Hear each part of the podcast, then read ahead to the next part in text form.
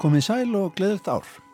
Já, gleðilegt árið og uh, við sjá hefst í dag að venju uh, á nýju ári og við ætlum að uh, heyra rattir í þættinum í dag, Guðni, rattir sem að hljómuðu í viðsjárþáttum á nýliðinu ári. Já, rattirnar er svona þættir ansið margar á einu ári. Nokkuð margar. Við heyrum nokkra þeirra, þetta er fólk að fást við ímislegt spennandi og við byrjum bara svona. Kjartan Már Ómarsson, doktorsnemi í bókmyndafræði um skólavörðuholtið í Reykjavík. smátt og smátt sko bara eftir að hafa kafað í tímarutum og bókum öðru eins að þá allt í hennu fer ég að sjá að það er alveg gríðalega umræða um og kringum skólaverðuhaldið og að samaskapi þá uh, er það einhvern veginn svona þessi þörf hjá þessum fram á mönnum umbúðsmönnum þekkingarinnar þeim sem að koma hlutunum á framfæri og er að tala um það ofinbælega að það er skortur á einhverjum svona áþreifanlegum og sínilegum dæmum um að við séum bara ekki einhverjir kottbændur sko, að við séum kulti veru þjóðað einhverju leiti og uh, þær tákmyndir sem að stendur til þess að reysa þótt að séu bara hugmyndir á þeim tíma eitthvað er, er oft mjög talað oft um að hafa upp á skólaverðvaldi mm. og það kemst kannski ekki hjá því að vera heldur einhvers konar punktur fyrir háleitur hugmyndir verandi hæsti blettur borgarinnar bara þú sækir í efsta blettin til þess að koma þínum hugmyndum á framfæri sko, og ég held að maður sér þetta náttúrulega í borgum að þú vilt reysa sem hæstan turna og sem hæstum stað sko, eins og Hallgrímskirkja er náttúrulega glögt við þeim. Brynjólu Þorstensson hlaut ljóðstaf Jónsúr Vör fyrir ljóðið Górmánuð Það lega okkur að heyra Górmánuð Já, er það ekki tilvalið bara? Jú. Górmánuður Allir hrafnar eru gat líka þessi sem krunkar upp á ljósastur eins og brot í heimingrári tönn sjóndildarringurinn nakin tré, skorpin vör. Pyrðu augun, einblíndu á fjadur sortan. Það glittir í úf. Allir hafnar eru gatt og innvolsið uppdráttur á morgundegi. Líka í þessum sem krunkar upp á ljósastur. Lestu hann með vasanhýf og opin munn. Hjartað springur eins og berundir tönn, bræðiði svart.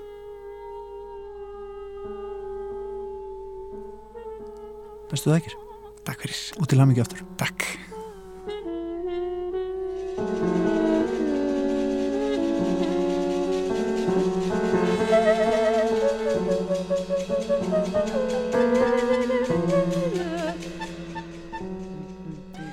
Ragnheiður Sigurðardóttir Bjarnason las upp stefnusgrá nýs gallerís mittpunkt í Kóbói.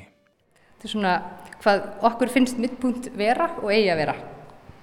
Mittpunkt leggur áherslu á listina, listarinnar vegna. Mittpunkt er list, list, list. Mittpunkt er ekki síningareimi, heldur gjörningur. Mittpunkt er engin dans á rósum. Mittpunkt vil auka sínileika listamannsins. Mittpunkt er opinn öllum og allir geta litið við. Mittpunkt elskar að hata list og hatar að elska list. Mittpunkt er framstefnilegt. Mittpunkt hafnar list listarinnar vegna. Mittpunkt er frjósum jörð, listrætnar sköpunar. Mittpunkt er nýja miðjan. Mittpunkt er allt sem þú vildir vita um list. Mittpunkt trúir ekki á líf án lista. Mittpunkt er æði. Mittpunkt er rótakt á miðugudöfum. Mittpunkt hafnar list, list unnandana vegna. Meiri mittpunkt og allir vinna. Sigrið Þorgesdóttir heimsbyggingur gaf út dagatal með hvenn heimsbyggingum sögunar og fór með á heimsbyggithing í Peking. Og þetta var eitt liður í því að koma hvenn áherslum að í þessari fræðagrein sem hefur verið svo lengi kallkverf og ekki síst í Kína. Í Beijing, við Beijing háskóla, þar sem að þessi rástefna var haldinn, að það hefur lengst af ekki verið eina einasta kona í prófessorstöðu. Það er einhver eina komin eða tvær núna og alveg óbáslega karlkverfið þorf og, og, og vanþekking og fáviska um sko framlag hvenna, um áherslur hvenna, um visku hvenna, um þekkinguna sem þeir koma með. Þannig að mér fannst mjög mikilvægt að koma þessu þarna að. En hins vegar fann ég líka að það hefði mjög ramman reypa að draga Já. þegar allt er svona steinsteift Ég vildi bara koma þess á framfæri og, og þú veist það, það í rauninni dregur úr hrókanum þegar við sjáum að það eru fleiri konur í heimsbyggi og, og þetta er margfloknari saga og við erum bara, þetta er allt tilraunir og, og þá verður heimsbyggin líka heimsbyggilegur og sókratískari. Sókratis var ekkert að reyna sannfæra uh, þann næsta, hann var bara að reyna að fá fram betri rauk og hann var alltaf frekar leitandi og ég held að við hefum að leggja miklu meira áherslu á þetta en þá þurfum við líka að vera opinn fyrir hínum að hlusta betur á hann hlusta betur á okkur sjálf og vera opnar og vera berskjaldari þá held ég að það fari eitthvað af stað í gangi okkur sjálfum Ragnar Kjartansson bjóð til verk fyrir Kaupmannahafnar háskóla þar sem heilbriði starfsmenn ráfa um romantist landslag. Og hvíti sloppurinn er bara svo geggjað tákn. Já, þetta er svona risastórt tákn í einmitt svona í, þú veist, vestarætni menningu upplýsingarinnar. Þetta, þú veist, já, þetta, þetta táknar sko framfarir, seinleika, visku, göfuglindi. Veist, þetta er svona mjög mikið, þetta er svona tákn sem við mjög mikið náttúrulega tekið við af, þú veist, af hérna að presta hérna búningnum mm. sem einhvern tíman taknaði þú veist aðeins og besta aðeins og besta, já ah. þetta er svona, þetta er þessi svona máluðu landslag sem ég hef alltaf haft mjög mikið áhuga á ég held að sé sko líka að ég fór með sko mamma minn var að gera leikrit eitthvað tíman 1987 sem heit upp með teppið solmundur sem var sögur leikvæðis reykjavíkur. Þá fórum við upp á háaloft í þjóminsamnu þá voru sko tjöldina Sigurar Guðmundssonar gemd á háaloftinu í þjóðmennisamnu og ég bara man að þetta var svona dreyið út þessi landslög. Og ég held að þetta hafa bara sittið í mig síðan og bara sé mjög stóra ástæð þess að ég er alltaf að vinna með hugmyndunum málað leikrænt landslag sko landslag sem að sem er ekki endilega til heldur er bara svona hugmynd okkar um landslag og mikilfengleika og svona og þú veist og svo finnst mér það líka bara svo áhvert í landslagi að sko hvernig við, þú veist, notum landslægi hverstagsleikanum sko, að þetta er einhvern veginn, núna er þetta allt í kringum okkur í, þú veist, sem skjámyndir eða skjáborð í tölfunum okkar og skjákvílur og, uh -huh. og þú veist, það er bara alltaf, þú veist, maður, maður opnar og það er bara einhver, einhver stórfenglegi klettafjallana eða, þú veist, einmitt, núna í nýju Macintosh uppfæslunni minni þar, þar er eru komin einhver svona endalus eðimörk og þetta er allt, einmitt, þú veist, þessar klísjur, sömu klísjur og ég er að vinna með í þessu verki, sko. Mm -hmm. Við forvetnumst um nýja gerð vegabrefa, Þorvarður Kári Ólafsson hjá Hagstofunni fór yfir varnir gegn fölsunum. Þekkjum við eitthvað dæmum það að fólk sé að falsa íslensk vegabref? Já, það eru ekki nýlega dæmum það. Það var reynd að prenta íslensk vegabref í Malasíu fyrir, fyrir allmörgum árum síðan. Það tókst nú ekki mjög vel. Það er falsanir voru mjög liðlegar. En, en vissulega ber að varast falsara því að það er eina ástæðan fyrir því að við erum að fara út í þessa nýju gerð með nýjum örgisþáttum. Það er til að verjast fölsunum, vera undan fölsunum. Hvað gerum við til þess að koma í veg fyrir að, að það sé auðvelt að bara falsa? Við höfum einbit okkur að persónusíðinni því þar eru upplýsingar um handhafan. Mesta líkur á því að ráðust sé á hana og þess vegna höfum við aukið mjög örgið þar með því að hafa hana þinnri og hafa þinnri plastfilmu yfir henni það, það sem eru mikil munstur í plastfilmunni og það eru ymsir uh, tætti líka í pappirnum í sjálfri persónusíðinni og síðan eru við með nýja, nýja nýmæli sem er að mynd handhafa er, prentu á, á síðuna á móti með því að nota fæðingardag og nafn viðkomandi. Þetta er svona nokkuð dæmi um, um það sem við höfum verið að gera til þess að auka öryggið og svo náttúrulega má ekki gleyma því að í vegabrifinu er örgjörfi búin að vera síðan 2006 og, og við erum að ebla varninar á honum með því að vera með öfluri öfluri dölkóðan.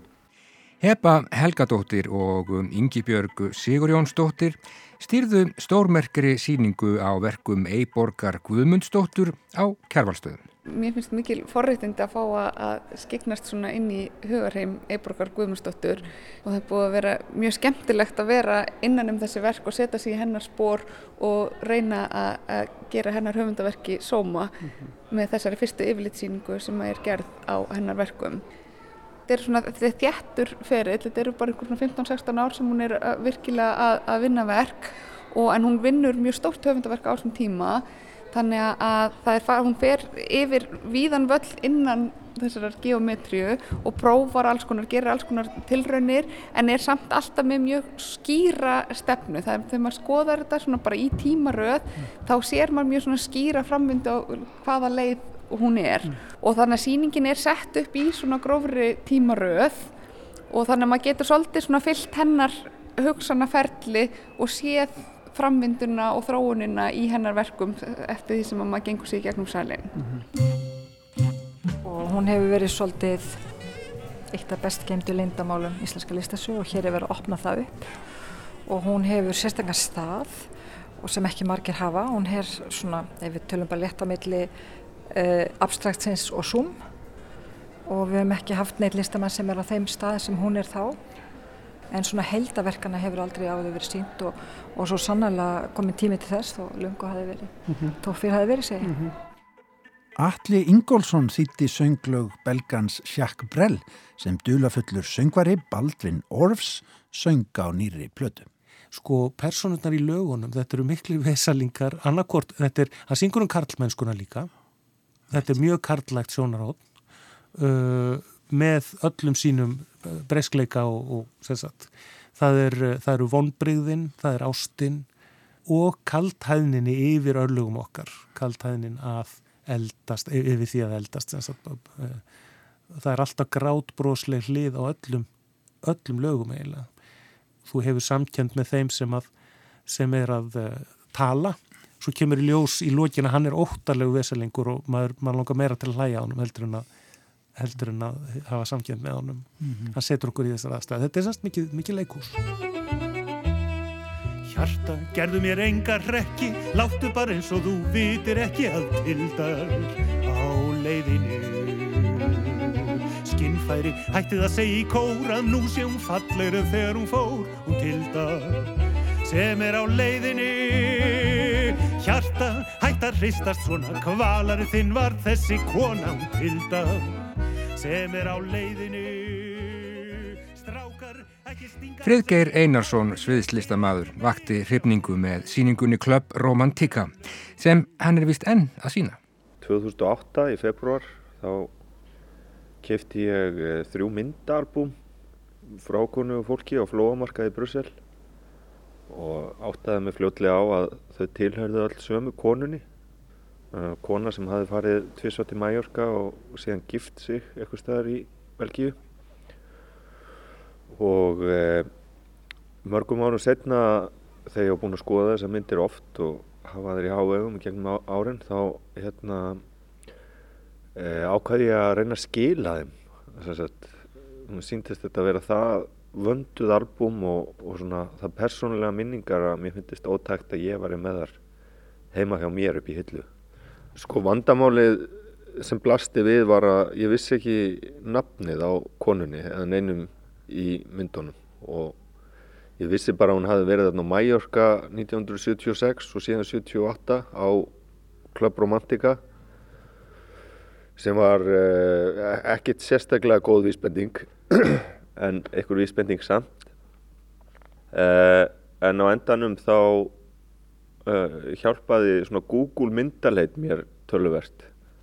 Og þá fann ég út hvar kirkjan sem það hefði gift sig var. Og það var svona likil vísbending í þessu máli. Mm -hmm.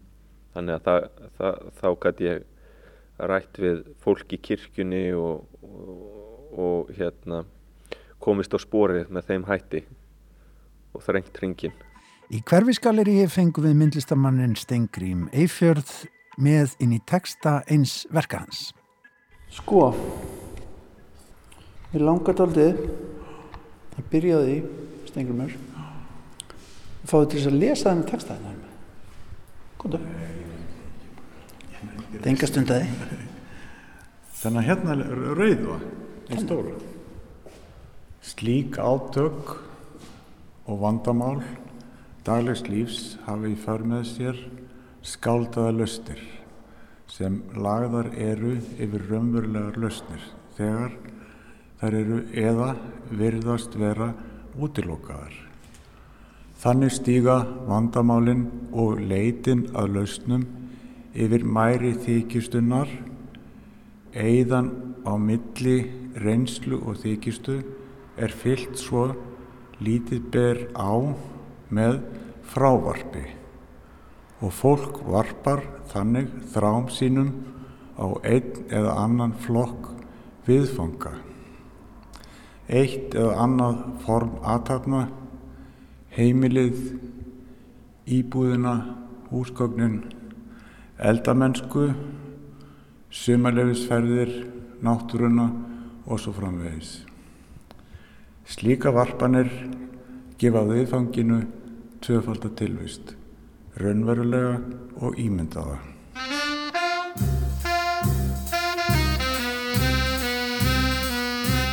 Júlia Margrét Einarstóttir tók ljósmyndir á filmu í aðinu. Ég sá fyrir mér að ganga um á tánum, drekka rauðvinn þegar rökkvaði og fylgjast með þegar ljósinn kviknuð á Akrapólis hæð og hvernig ramagsljósinn líst upp megarhofið umkringt týstandi leðublökum í næturhúminu.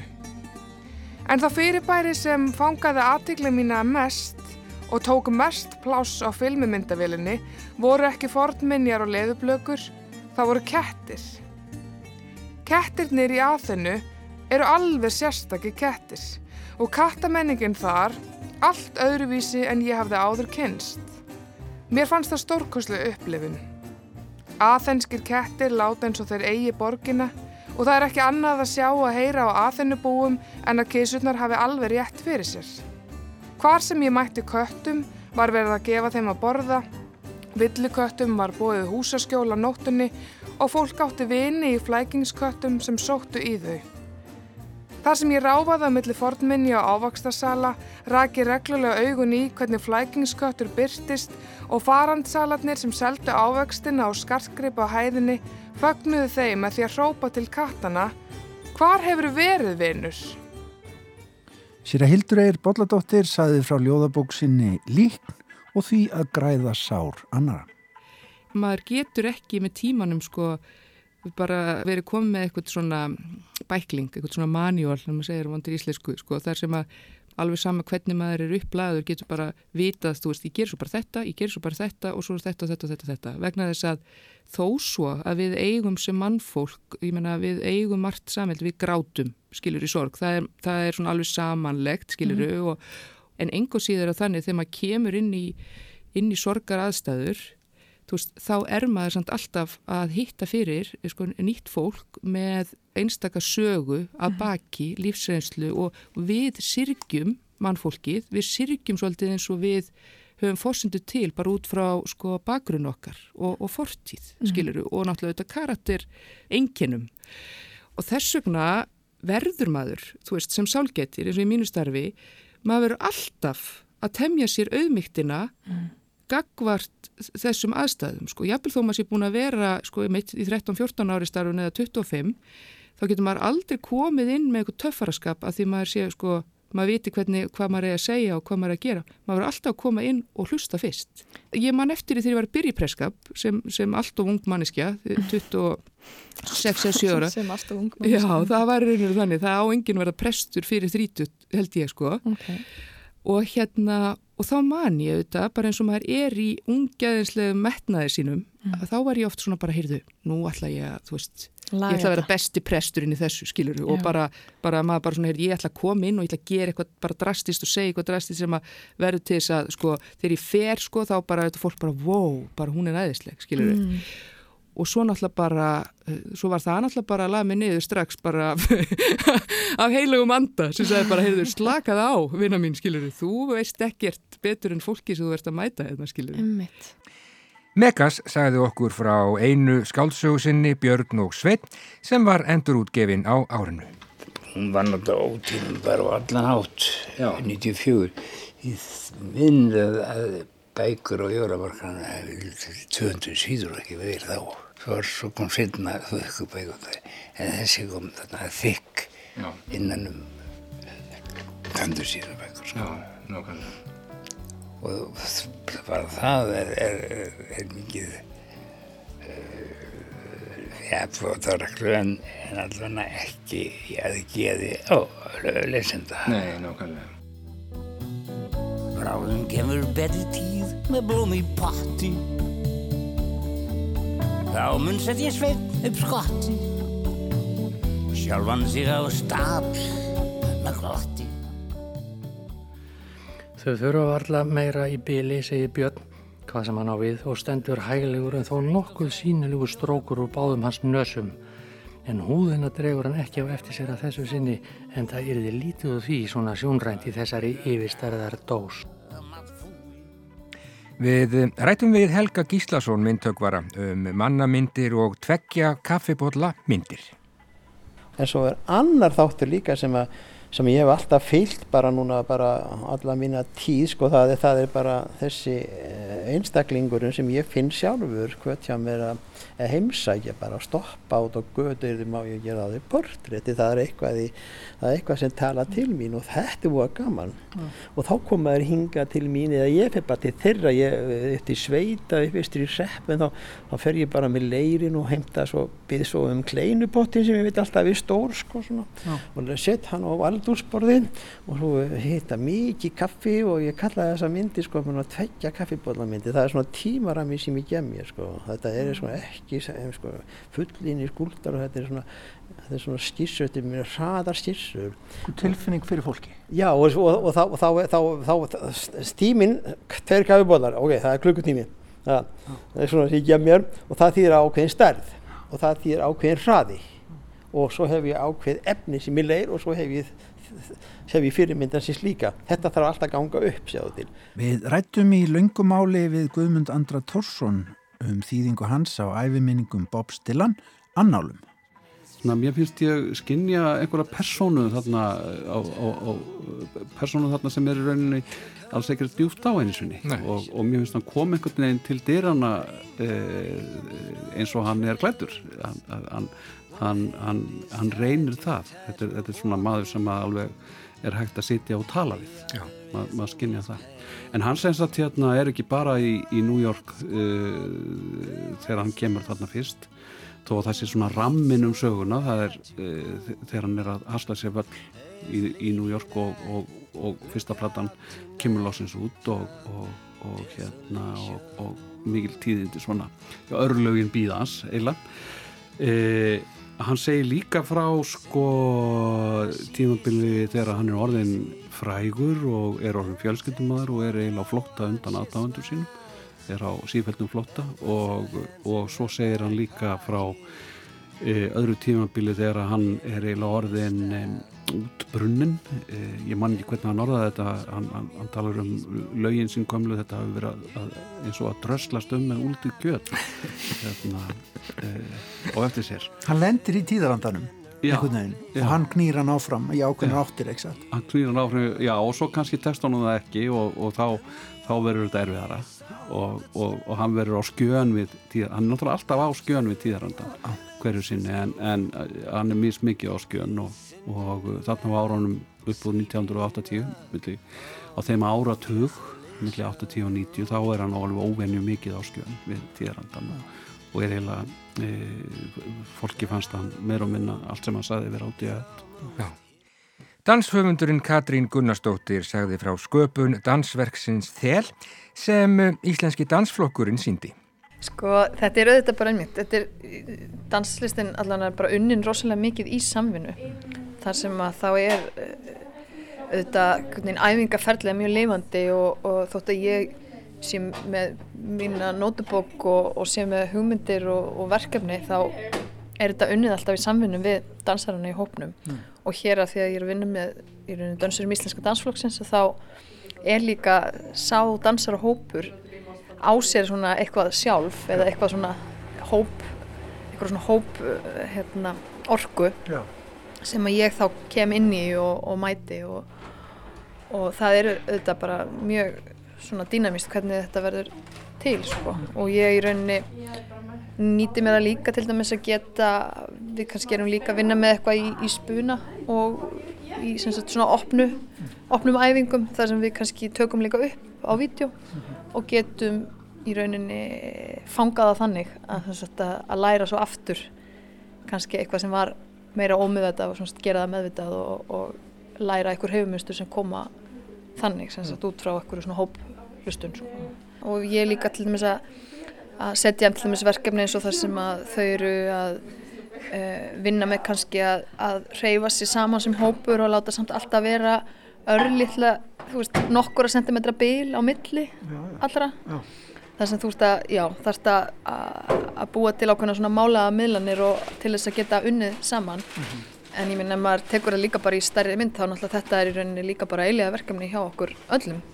Já. sem samfélagi og sem mannskjum við erum náttúrulega uh, bara endalust að glíma við það hvernig við ætlum að vera öll sérna saman. Akkurat. Og það er í rauninni Þetta er bara smæk og mynd. þetta er í rauninni bara svona, já, einhver mikrokosmos af því, sko. Inga Lára Baldinsdóttir sagði okkur frá merkum ljósmyndum breska fiskkaupmannsins Pike Ward sem hann tók á Íslandi um aldamóti 1900. Sýningin er enn uppi í þjóminnesafnu.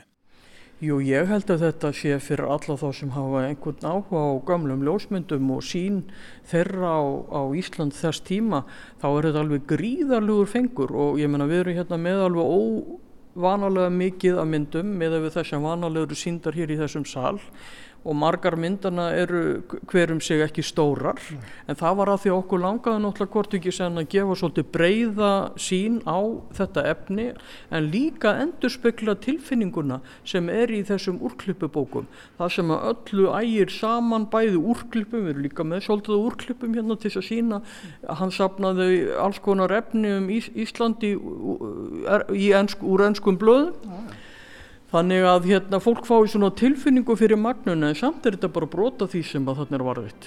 Þetta er svona erki Íslandsvinnur. Þetta, hann, sko það er nú búið að gjaldfella svo þetta Íslandsvinnur að maður eiginlega hættur að taka sér það um munn en ég menna ef einhver var Íslandsvinnur þá var það pækvort.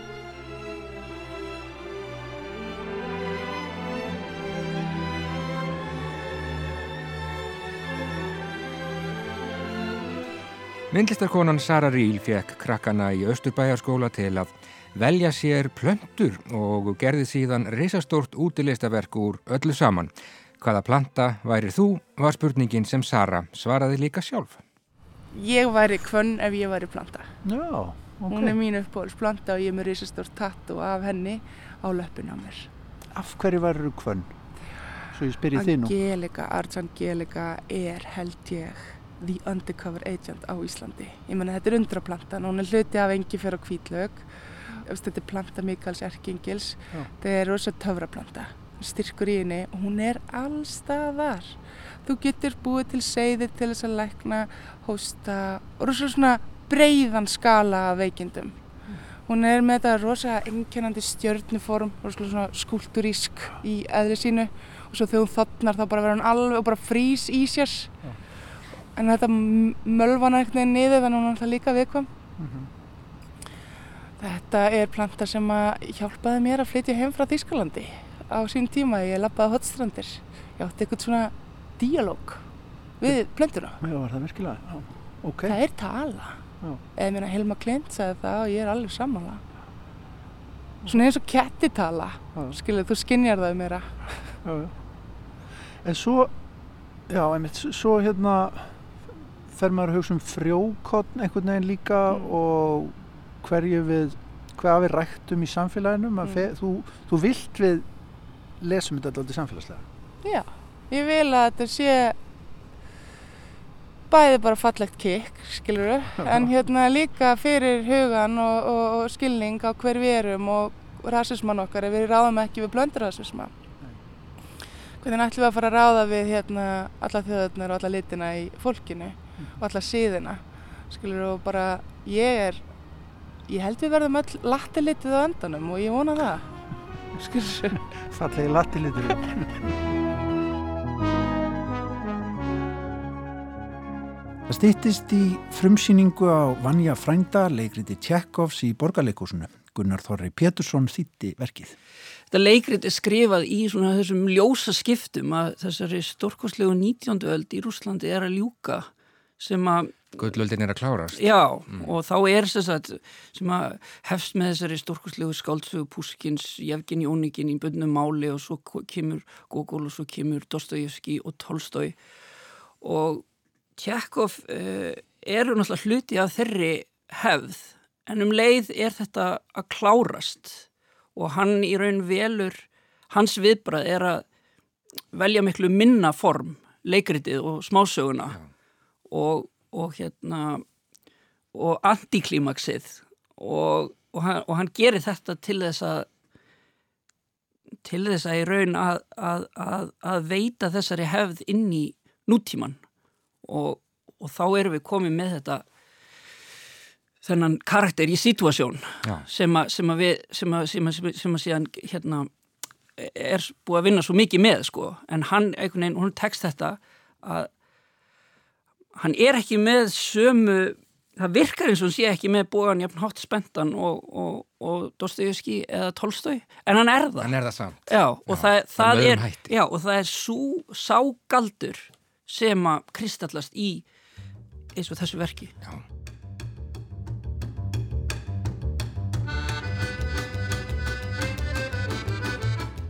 Snæbjörn Argrímsson, fyrirverandi bókaútgefandi, hann gerði sér lítið fyrir og skrifaði verðlaunabók fyrir börn og hlaut íslensku barnabókaverðlaunin fyrir hana. Þannig var að ég settist niður og hugsaði, ég vil skrifa svona spennandi bók fyrir börn, ég vil skrifa svo spennandi bók. Og svo man ég það að ég settist niður við skrifbórum mitt og það var auðsandi regning úti. Og ég horfði upp í loftið og skrifaði fyrstu setninguna sem hljómar eitthvað svona Þetta var sumari sem Guðjóngi Gjörgsson kom til Þorpsins. Bara vegna þess að ég þráði sumari í þessu haustveðri. Svo horfið ég upp í loftið og hugsaði með mér, já, og hvað svo? Nú ætla ég að skrifa spennandi bók. Hvernig, hvað ger ég? Hvernig ger ég spennandi bók? Og svo hugsaði ég svolítið og rekst bara fyrir tilviljun á bladagrein frá árun 1976 sem byrtist í New York Times um mann sem hafi gengið inn á Wall Street verbreyfahöllinni í New York hann var með 80 dólar í vasanum þessi maður, heitir Andrew Carlson. Og þetta er svona saga mm. hann kemur inn og í fimm daga stundur hann viðskipti á Wall Street kaupir og selur 157 sinnum verbreyf í hvert einasta skipti kaupir hann á botninum og selur á toppnum. Hann græðir fólkur fjár. Hann, hann er með vasana fulla peningum eftir fimm daga þegar lauruglan kemur og hann tekur mannin og Gekk of vel. Gekk of vel og spyr hvar fegst þú upplýsing, hvernig ferði það þessu, hvar færð þú upplýsingur um, um, um verbreyf? Ég veit þetta allt, segir hann, ég veit þetta allt. Ég fæ engar upplýsingar frá neinum. Þetta, þetta, ég, ég hef þetta bara, ég kem frá framtíðinni. Og ég veit hvað gerist næstu dag á verbreyðaþinginu ég veit hvað gerist í lífinu næstu dag því ég kemur frá framtíðinni segir þessi maður. Mm. Og þeir löggan bara að hvernig fór hann að þessu þeir setja hann í fangilsi næsta dag kemur annar maður og segir ég vil kaupa þennan mann út sem þið handtökuði í gær og borga miljón dólar til að leysa mannum og haldi Andrew Carlson kemst út úr fangilsinu, hann hverfur. Þegar lögleginn fara að reyna að hafa upp á hannum, kemur ljós að þessi maður hefur aldrei verið til. Það er engin gögnum þennan mann nokkuð staðar. Undanfærin ár hefur Daniel Bjarnason tónskáld verið heldtekinn af tunglinu. Þriðja verkið samið undir þeim áhrifum var frumflutt af þremur af allra frægustu hljómsöldastjórum heims í Los Angeles á árunu. Og svo er þetta í rauninni þriðja verkið hérna, From Space I Saw Earth mm. eða utan á geimnum sá ég jörðina og þetta er kannski svona hugleðingum það bara að eitt af því mikilvægasta sem að við lærðum og kannski merkilegast að við þessar geimferðir og tunglferðir á sínum tíma var þegar að mennindin svona snýri sér við á leiðin út í geim og, og sáu jörðina mm. og sá hana allt í einu sko utanfrá, sá allan nöttin og núna er þetta náttúrulega verið þekkt fyrirbæri og oft talað um svona the overview effect sem að hérna, þeir sem að vinna í alþjóðlegu geimstöðinni og, og fleiri bara geimfarar mm -hmm. verða fyrir og, hérna, og það er þessi, þessi tilfinning og hérna, einhvern veginn ofinberinn að, að sjá nöttin sem þetta í rauninni þessa litlu kúlu í þessa óendanlega hérna, svart nætti sem keimurinn er og hvað hann er viðkvæm og þessi örþunna hula í kringum hana sem er sem sagt, hérna, atmosféran eða eða lofthjúpurinn. Þannig að hérna þetta er svona, já, kannski bara títillinni sem stekinn úr þessari, út frá þessari hugsun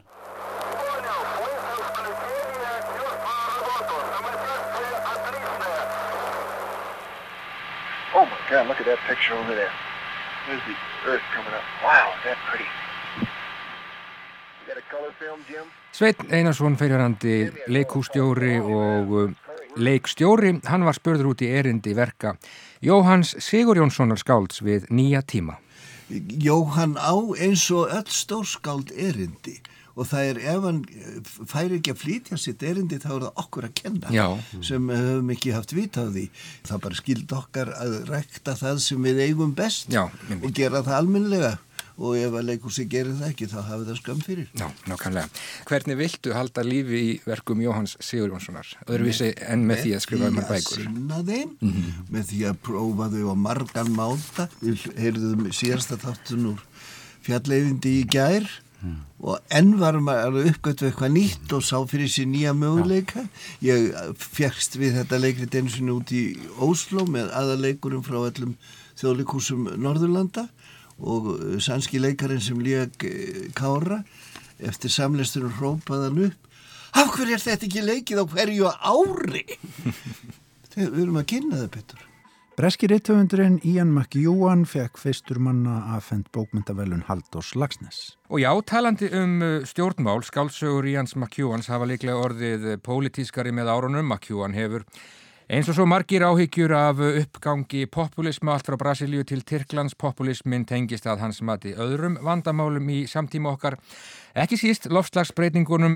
Engin populisti vilji taka á þeim málum. McEwan vittnar í Jean-Claude Juncker, fórsetta framkvæmda stjórnar Evrópussambandsins og fyrverandi fórsætisráþara Luxemburg í þessu samengi.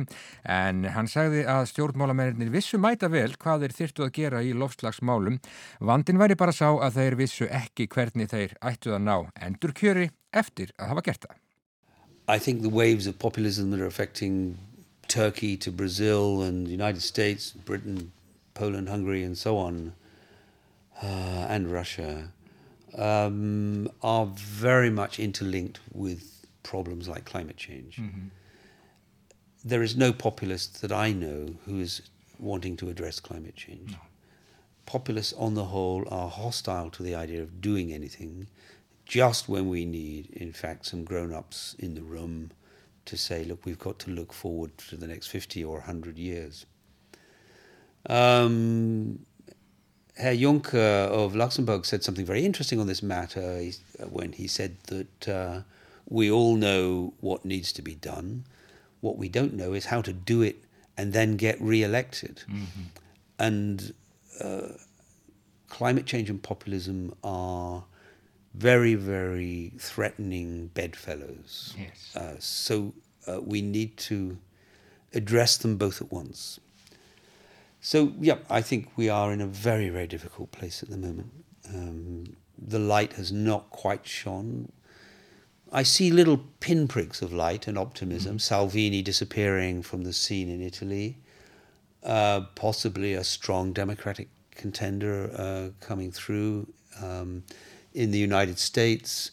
There is a one in ten chance that sense will prevail in Britain and we won't go into this great self harming orgy called Brexit.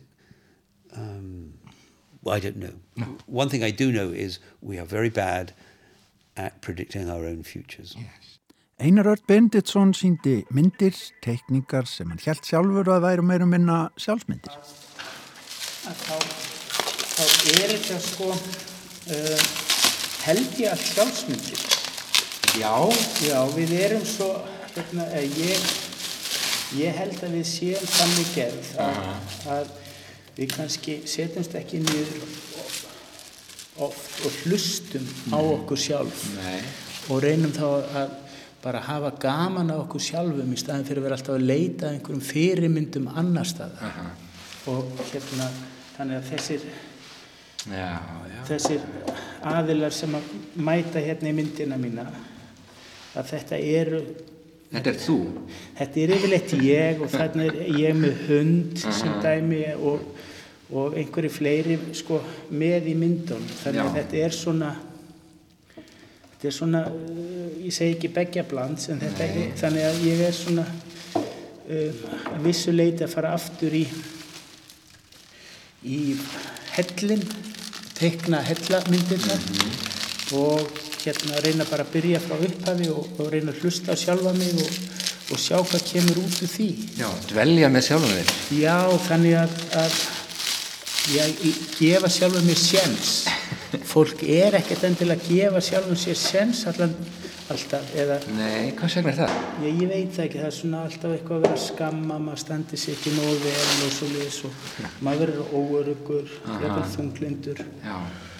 Og þá er þetta svona, og svo þarf maður að faðma fólk og þá losast endorfín og Já. serotonín og Þetta er aðferð svona til að peppa sig upp. Já, og líka bara að sjá að það er eitthvað meira þarna úti, það er, það er ekki, þú veist, þetta er ekki, þetta er ekki allt svartkvít og ég teikni svartkvítu. Já. Að þá er þetta bara upphafið að sögninni, Mhm. að, hérna, að vera. Já.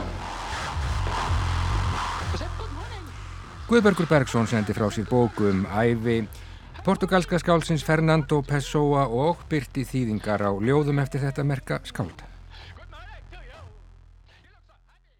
En mikið hefur hann Fernando Pessoa verið margbrotin maður. Þú segir að hann, hann svona hafi, já, hann hafi nánast bara liðast í sundur við, við yrkingar.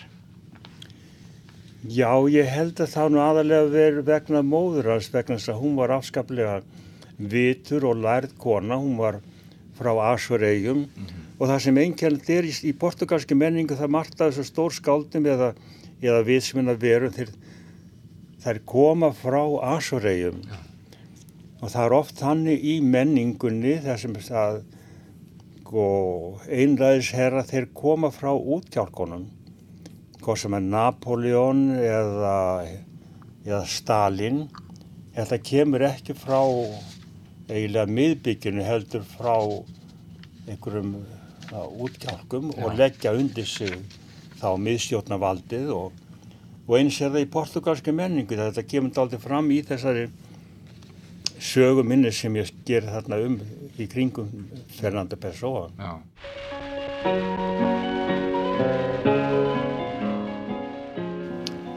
Já, til þess að vera mikil þarf maður eiginlega ve- vera, lifa innan um einhvers konar tröflun, það.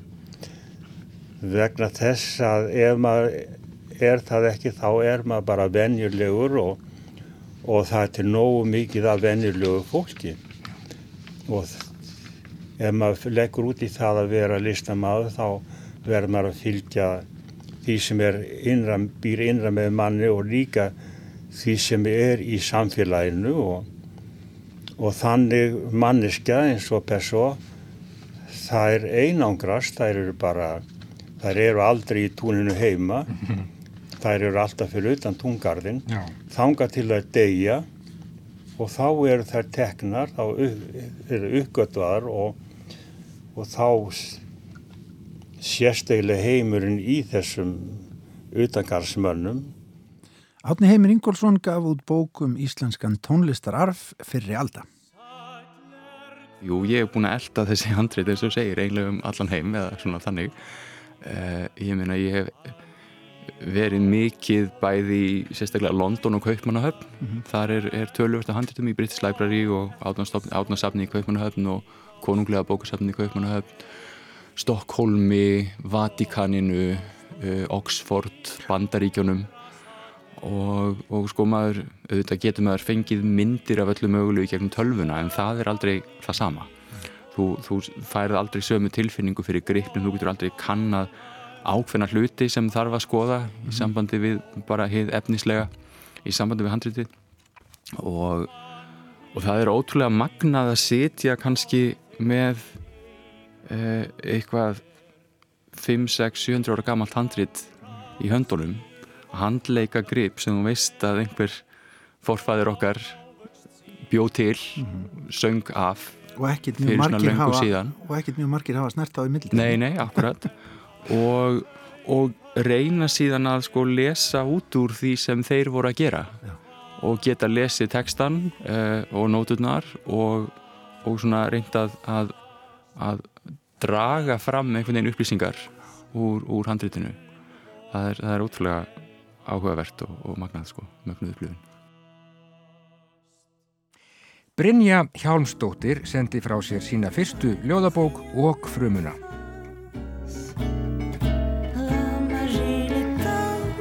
Úr dánarbúinu fær gamla frænkan pels með vasana tróðna af útgráttnum tissjúbrjöfum. Pappi hlítur sæta tópaksanganina í íbúðinni og pönnukökupönnuna brenni merta 800.000 steikingum eftir áraraðir yngra þriða. Dóttir hans fær augnabliki þegar hún orgaði meðan stóri bróðir braud piparkökuhúsið í þúsund móla með buffhamri. Frændin hyrðir tekkið, allt tekkið og allar kjarvalstekningarnar, það eina sem varið er í frussarn út um bleikan trandin. Sistir pappa fær dúkkurnar sem klættust hekluðum kjólum, höfðu klósettpappirrúlu sem undir pils og minninguna af því þegar hennu var gert að taka niður myndina af Che Guevara sem hjekk í herberginu.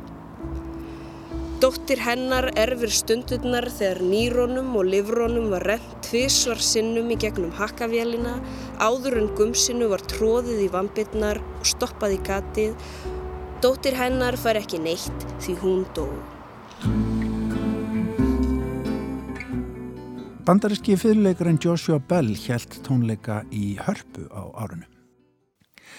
Joshua Bell starfar líka að ýmsum verkefnum sem miða því að koma upplifun af tónlistin í bandarist skólakerfi.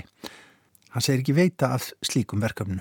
It is very important to me. Um, today's school systems in the United States are, are often lacking in the music and art area. My, my sons happen to go to a special music school that emphasizes music, but not every child is so lucky. And, and, uh, and I actually think we need music more than ever. You know, we, with as wonderful as technology is, it's I think some children today are learn are losing the skill of connecting in the moment with their peers and and uh, they spend a lot of time looking at their iPhone screens and their their their computer screens and music is a way that really makes you live in the moment and and express yourself Það er ekki allir eins hefnir og síni mínir að ganga í skóla sem leggur áherslu á tónlist og tónlistar upplöfun. Það skortir víða á þetta hér í bandaríkjanum.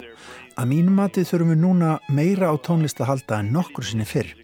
Eins ágætt og tæknin getur verið þá verðist hún stundum vera að læsa börnin og úlíkan okkar inni þannig að þau eiga erfiðara með að tengjast jafnöldrum sínum. Tónlist þarf að vera hluti af reynslu mannsins. Það skiptir mig miklu máli að tala við skólakrakka og koma tónlistininn í skólakerfið. Segir Joshua Bell sem er spenntu fyrir því að koma til Íslands og leika fyrir íslenska áherendur á samt Alessio Bax í hörpu á sunnudag. Well, thank you. I'm, I'm, uh, yeah, I'm really uh, looking forward to uh, again to come back to Harper, which is really one of my favorite halls in the world, and back to Iceland, where I've been about five or six times in my life. Uh, first time was 31 years ago when I was basically a teenager. Okay. Um, and uh, I always love coming there. So, so I'm ex- very excited.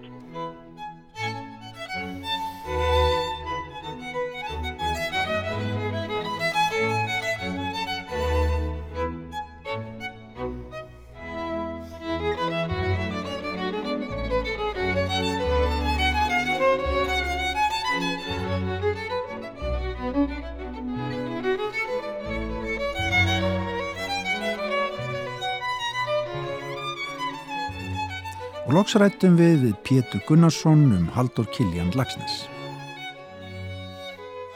Já, hann er nú bara svona grunn eh, eining náttúrulega eh, og það sem maður býr að bara svona frá, frá unglingsárum þannig að hann ferðast nú með manni.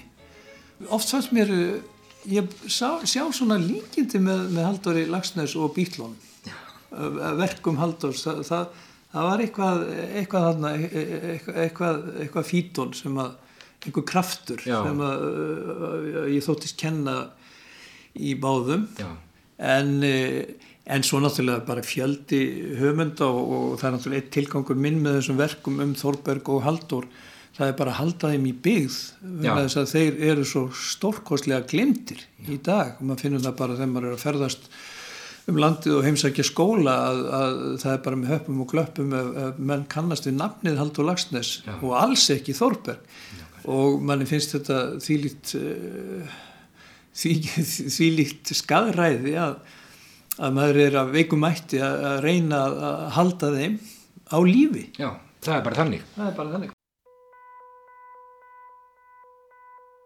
Þetta voru nokkra rattir úr Víðsjá á árinu 2019. Já, margt að gerast á þessu ári í listum og uh, menningu og við skulum vona að nýbyrjað ár 2020 verði líka göfult. Við þökkum samfélgina, verið með okkur áfram. Verið sæl. Verið sæl.